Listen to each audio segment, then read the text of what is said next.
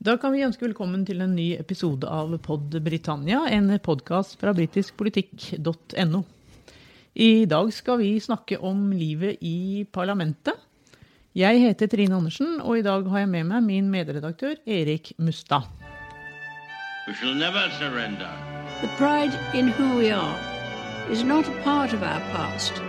It defines our present and our future. The people of Scotland have spoken. England, Scotland, Wales, Northern Ireland together, taking us forward, unleashing the potential of the whole country. Ja, Erik, det siste vi hører her i jinglen er jo den tidligere eh, spikeren i Underhuset, John Burkow, som roper 'order, order'. Og det er jo til tidlig, tider eh, svært støyende i eh, det britiske Underhuset.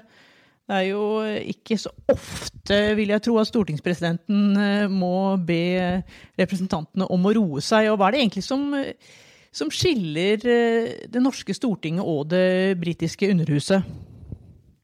Ja, eh, nettopp dette at det er et helt annet eh, verbalt klima i Underhuset i eh, Storbritannia. Det tillates tilrop, det tillates bejubling, og det tillates faktisk også en del skjellsord i, i, noen sammenhenger. Og da er det opp til John Burkow, som var speaker, som ikke er speaker lenger nå, men som det er jo spikeren som styrer debattene og skal holde orden på alle disse gale parlamentsmedlemmene som roper og reiser seg og fekter med armene. Og, eh, så det å se dette på, på, på TV Eh, da det ble åpna i 1992 eh, gjennom BBC Parliament, så fikk det britiske folket sjokk da de så hvordan disse her eh, oppførte seg i Underhuset. Ja, Da det ble åpna for TV-sendinger? Ja, da det ble direkteoverføringer fra diskusjoner i parlamentet.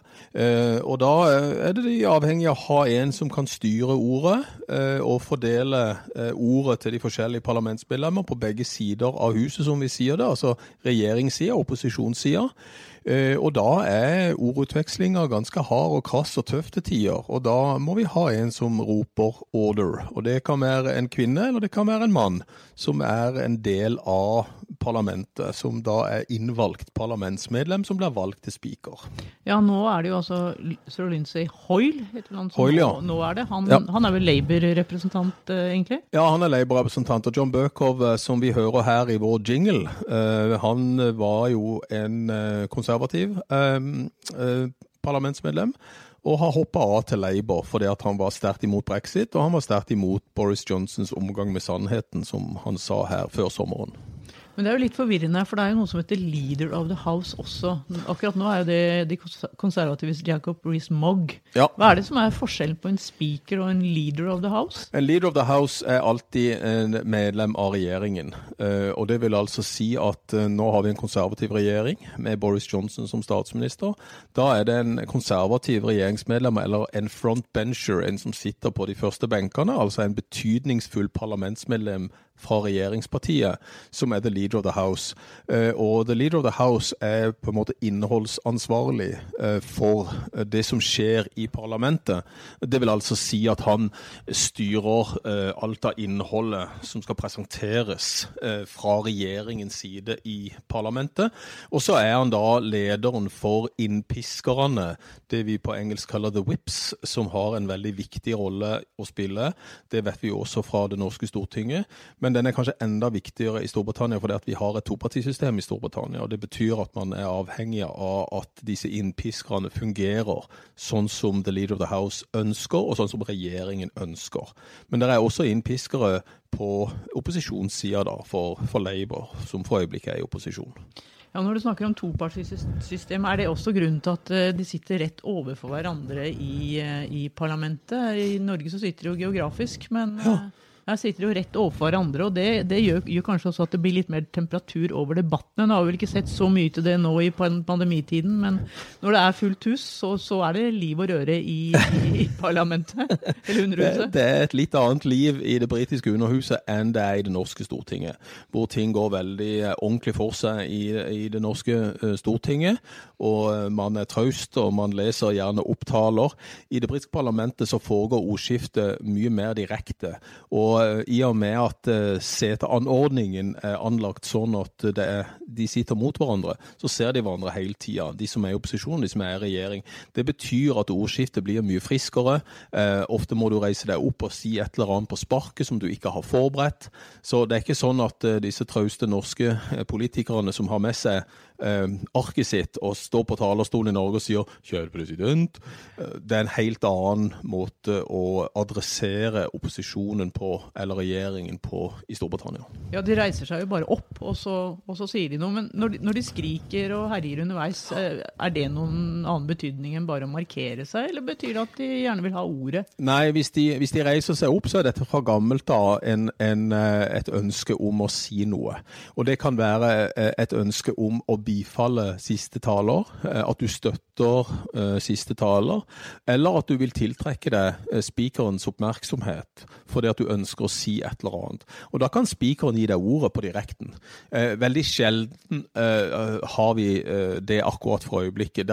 De siste 20-30 årene så har det vært mye forberedt av taler og innlegg og diskusjoner i, i, Storbritannia også. Men før i tida så var det mye sånn at du bare kunne reise deg opp, og da så spikeren det. Og så noterte hans assistenter på et ark at den og den personen ønska å prate, og så kunne du få ordet på direkten. Så dette er en gammel tradisjon med å reise seg opp og ned for å bifalle, eller for å be om ordet. Nå er det mest for å bifalle, så det er mest litt teatralsk akkurat det der som skjer nå. Og vi ser jo disse eh, menneskene som reiser seg og setter seg i eninger. Dagens underhus har jo 650 representanter. Men det er jo ikke plass til mer enn 350-400 eh, eller noe sånt i dette parlamentet. Er det fra gammelt av fordi det da var færre representanter den gang parlamentet ble, ble bygd? Ja, eh, så eh, vi har eh, litt forskjellige antall parlamentsmedlemmer opp igjennom historien. På det meste så har vi jo hatt 657, som da var på 90-tallet under, under Tony Blair f.eks. Da Tony Blair vant valget i 1997 med den største marginen i britisk politisk historie, da fikk han 419 av 657. Og da var det jo selvfølgelig ikke plass til alle Labour-parlamentsmedlemmene på Labour-sida, altså på regjeringssida, eh, som da er til høyre for the speaker. Det er alltid sånn. Uh, så, uh, så, det betydde jo at mange måtte sitte på ganga, for det var rett og slett ikke plass til andre. Mens det var litt glissen på de konservative benkene, og de andre partiene fra Skottland Nord-Irland, eh, Liberaldemokratene og de andre småpartiene i England. Eh, så, så, det er ikke plass egentlig til 650 heller. Men det er jo veldig sjelden sånn at alle er der på en gang. Det er egentlig bare når dronninga åpner parlamentet, og når dronninga lukker parlamentet, at eh, så mange som mulig iallfall er til stede da i kammeret, som vi sier, altså inne i selve Underhuset. Men den dagen i uka hvor det er mest liv og røre i eh, parlamentet, er vel på onsdager eh, hvor det er eh, spørretime og statsministeren må møte for å svare for seg i Underhuset? Det er jo akkurat i spørretimen at statsministeren og lederen for opposisjonen da er i Underhuset. For de er jo ikke så veldig ofte i Underhuset ellers. Nå har de vært det mye under pandemien fordi at de har gjort rede for ting. Og det har vært glissent i salen fordi at folk har sittet på hjemmekontor. Men under normale omstendigheter så er liksom onsdag formiddag Da er både statsministeren og lederen for opposisjonen i Underhuset. Og det kan være den eneste gangen i uka de er der. Det også skal det jo også stemmes nå. Under pandemien så har du jo faktisk klart å innføre noe så fantastisk moderne i, som litt digitale avstemninger. Men eh, det er ikke det det vanligvis går i i Underhuset. Da løper de ut i hver sin korridor, gjør de ikke det? Jo da, eh, avstemninger under Underhuset er egentlig et sirkus i seg sjøl. Fordi at eh, i det norske Stortinget så trykker man på disse knappene, og det har man da gjort under pandemien når man sitter på hjemmekontor. Fordi at da var det kun digitale løsninger som gjaldt. Men under normale omstendigheter så er det sånn at når det er avstemninger som foregår i Underhuset, så uh, ringes det ei klokke gjennom hele Westminster-parlamentet, altså Westminster Palace, som egentlig er det offisielle navnet på det britiske parlamentet. 13 eh, minutter før ringer klokka for første gang. Og hvis du er på eh, toalettet, hvis du er, eh, spiser, hvis du drikker i barer og restauranter i Underhuset, så vet du at nå er det 13 minutter til avstemning. Og da er det jo innpiskeren sin jobb å sørge for at alle må være der som skal være der. Etter åtte minutter så går denne klokka en gang til, og da må du gjøre deg ferdig på toalettet for å kunne rekke inn i salen til selve avstemninga. For det som da skjer, er at eh, når de åtte minuttene da er gått, så må du innfinne deg i salen. Og så sier spikeren at det er avstemning på gang. Og da går folk fysisk inn i the yay room eller the nay room, altså ja-rommet eller nei-rommet, i forhold til om de vil stemme ja eller nei til det forslaget som skal stemmes over. Og så, når du da går inn i dette rommet, så når du forlater dette rommet, så står det én manuelt og teller. Kropp for kropp etter hvert som de kommer ut. Det er helt utrolig, egentlig. Helt 2020. utrolig. Ja. Men dette er gamle tradisjoner, og britene har vondt, vende, vondt for å vende gamle tradisjoner. Og Da blir de da telt, og så skrives det ned på en lapp. eh, Og Det er da denne speakeradministrasjonen som er ansvarlig for. Og denne lappen kommer da tilbake igjen til the speaker med hvem som har stemt ja, og hvem som har stemt nei. Og Da roper the speaker f.eks. til slutt the yay have it. Altså Det vil si at ja vant. Og det er jo da eh, prosedyren, kan du si, for hvordan avstemninger foregår i Underhuset enda da. Så vi får se om de går tilbake til dette når pandemien nå er over, og alle 650 igjen kan møtes. Du snakker om tradisjoner. eh, Er det sånn at hver eneste dag som parlamentet sitter, så, så starter det med en eh, prosesjon hvor spikeren kommer med dette septeret og, og rett og slett marsjerer inn i Underhuset? Ja, det er faktisk enda sånn at uh, hver dag som uh, Underhuset åpnes, så er det en liten prosesjon hvor The Speaker går først i svart kappe. Ikke parykk lenger, som man hadde før i gamle dager, og som vi kanskje nå mest forbinder med britiske eh, dommere i det britiske rettssystemet. Men han har en lang svart kappe, eller hun har en lang svart kappe, eh, og går da med septeret, eh, som er en veldig, veldig gammel tradisjon foran seg. Og dette septeret bæres da inn av en i administrasjonen i Westminster. Eh, Og rett bak der kommer da the speaker.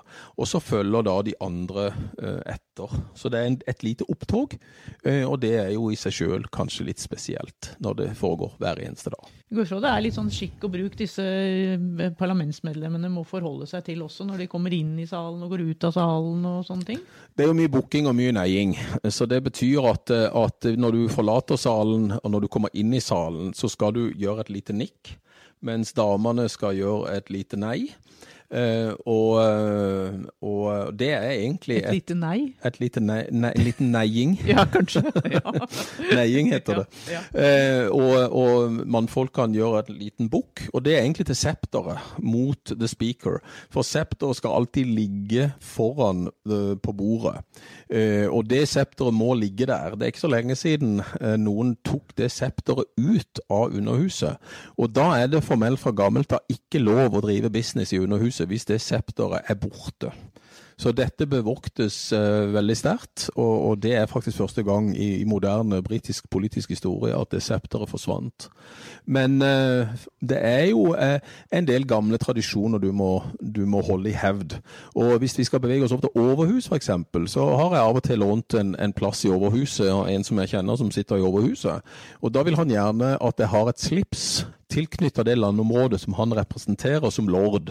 Kan du altså gjøre det? Kan du låne plassen hans? kan låne plassen hans, men det betyr jo at det er en vakter som slipper meg inn. For det som da skjer, er at eh, jeg går fra hans kontor med slipset som har det emblemet fra det landemerket som han representerer. Så kommer jeg da til døra, og så står det en vakt der. Eh, han bukker for meg. Han åpner døra for meg. Og så slipper han meg inn i overhuset. Da får jeg lov å sitte på de røde benkene som er i overhuset. De er grønne i underhuset. I overhuset er de røde. Og da får jeg lov å sitte på denne lorden sin plass. Så Men det er sånn lord stand-in? så da er en lord stand-in, eh, lord Mustad, Ja. og da eh, kan jeg sitte og høre på debattene der. Men jeg har selvfølgelig ikke lov å si noe, og jeg har ikke lov å stemme hvis det skulle bli noe stemming. Og alle vet det at eh, jeg er bare en gjest der som får lov å sitte der en time eller to og høre på. stilig, da. Veldig stilig, og når du går ut igjen, så er det den samme vakta. Han bukker og smiler og er veldig korrekt i alt han, alt- han gjør. Så der er en del sånne gamle tradisjoner, selvfølgelig, i det britiske parlamentet. Og, og det betyr jo også at når du går i restaurantene, når du går i hallene der, at du må oppføre deg ordentlig, du må være pent kledd. Ja, for det er ganske mange både restauranter og tea rooms og puber, og det er jo et helt lite samfunn inne i, i House of Parliament? Ja da, det er masse forskjellige. Det er arbeidsrom, det er kontorer, det er eh, møteplasser, det er puber, barer, restauranter, room, alt du kan tenke deg. Så det, du, du kan jo på en måte leve hele livet ditt i parlamentet. Og vi vet jo at veldig mange av parlamentsmedlemmene ikke er så godt bevandra rundt i Storbritannia. De er veldig sentraltenkende. De tenker London, de tenker sin egen valgkrets som de representerer. Eh, og et eksempel her er jo fra brexit, da eh, Boris Johnson f.eks. ble anklaget for ikke å vite hva som foregikk i Nord-Irland, for han hadde jo aldri vært i Nord-Irland.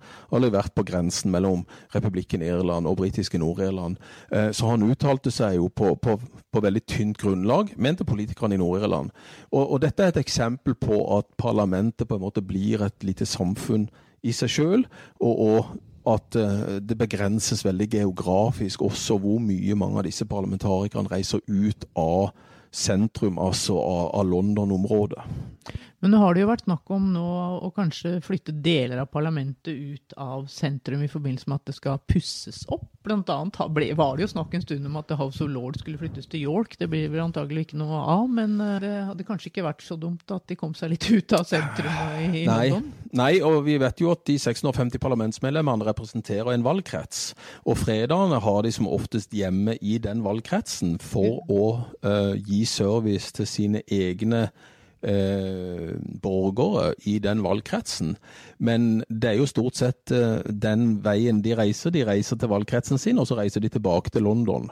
Eh, og vi har nok eh, en, et stykke vei å gå før britiske politikere har god nok kunnskap om andre deler av landet enn akkurat den valgkretsen de representerer, og dette lille politiske sentrumet i London. Skal vi helt til slutt snakke litt mer om eh, House of Lords, som du så vidt var eh, innom her. Altså hvis vi står med med Parliament Square i ryggen og ser mot Themsen, så ligger altså House of Lords til høyre ja. og House of Commons til venstre. Ja. Og House of Lords, der hvor mange medlemmer kan det egentlig være der? Er det ikke dagen ca. 700-800? Jo, det er litt uh, fluktuerende, som vi sier. Det går litt opp og ned, for det handler jo om hvem som blir utpekt. Dette er jo det eneste kammeret får vi si, i vesteuropeisk politikk som ikke er et valgt kammer, men det er et utpekt kammer. Så alle som skal sitte i Overhuset, må utpekes av statsministeren og regjeringen og eh, godkjennes av dronninga for å kunne få en plass i Overhuset. Og veldig mange politikere, gamle politikere, eh, folk som har tjent politikken og vært tett på politikken, de får et sete i Overhuset. Eh, og nå har vi ikke eh, arvelorder lenger. Det hadde vi fram til 1999. Da kunne man arve sin plass etter sin far hvis man var en rik landeier fra et eller annet sted rundt forbi i Storbritannia. Det går ikke lenger an. Derfor er det kun det vi kaller livslorder som nå blir utpekt til å sitte i Overhuset. Og det er f.eks. sånn som da Margaret Thatcher gikk av, så fikk hun et sete i Overhuset. Eh, den nordirske politikeren David Trimble eh, ble lord Trimble. Eh, Margaret Thatcher ble baronesse Margaret Thatcher, osv. Så, videre, og så, så nå er det vel mellom 750 og 800, så vidt jeg kan huske. Og de representerer partier. Uh, og alle partiene der er uh, representert, uh, som sitter i Underhuset, er også representert med lorder i Overhuset. og det kan også være uavhengige lorder i Overhuset. De har ikke noe myndighet til å stoppe lovgivning fra Underhuset, men de kan utsette. Så tanken bak dette ikke-valgte kammeret er jo å gi en slags veiledning til Underhuset, hvor de folkevalgte sitter, i eh, forhold til lovgivning, og at de har spesialkompetanse på en del av disse områdene som, som det lovgives på. da. Men er det innpiskere i Overhuset også? Ja da, det er innpiskere i Overhuset, og det er leader of the house i Overhuset også. Uh, og leader of the house i Overhuset og Underhuset har møter ukentlig uh, for å diskutere dagsorden. For det er en dagsorden i Overhuset òg. Men så er det jo sånn at disse gamle menneskene som sitter i Overhuset, de uh, enten sovner de fort, eller så er de ikke til stede for de er syke. Så det er mye forgubbing og uh, fordaming i, i Overhuset. Så, så, både menn og kvinner uh, som, som, er oppe i årene, men det er jo ikke tvil om at det er mannsdominert i Overhuset i mye større grad enn i Underhuset. Men det har vel vært eh, med jevne mellomrom snakk om å, avskaffe eh, overhuset. Tony Blair prøvde vel bl.a. Å, å gjøre noe med det? Ja, altså det var jo han da som eh, endra dette i forhold til arvelorder og livslorder.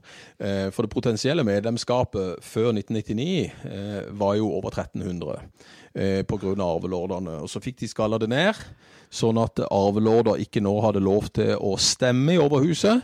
Og nå har de fått skalert det ned til mellom 750 og 800. Så jo, var jo egentlig tanken til Labour i den tida at de skulle få det enda mer ned for å få et håndterlig kammer. Men så har det jo da vært snakk om å endre systemet og få et valgt slags type senat som vi har i USA. Eh, Men Storbritannia er et konstitusjonelt monarki som er tufta på dronning eller regent, underhus og overhus. Og Det betyr at hvis de skal eh, endre overhuset, så må de også endre dronningers konstitusjonelle makt, og de må endre rammene for underhusets makt.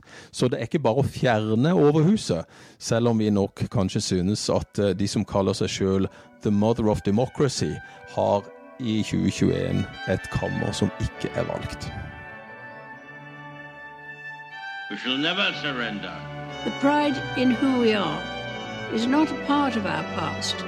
It defines our present and our future. The people of Scotland have spoken. England, Scotland, Wales, Northern Ireland, together, taking us forward, unleashing the potential of the whole country. Order!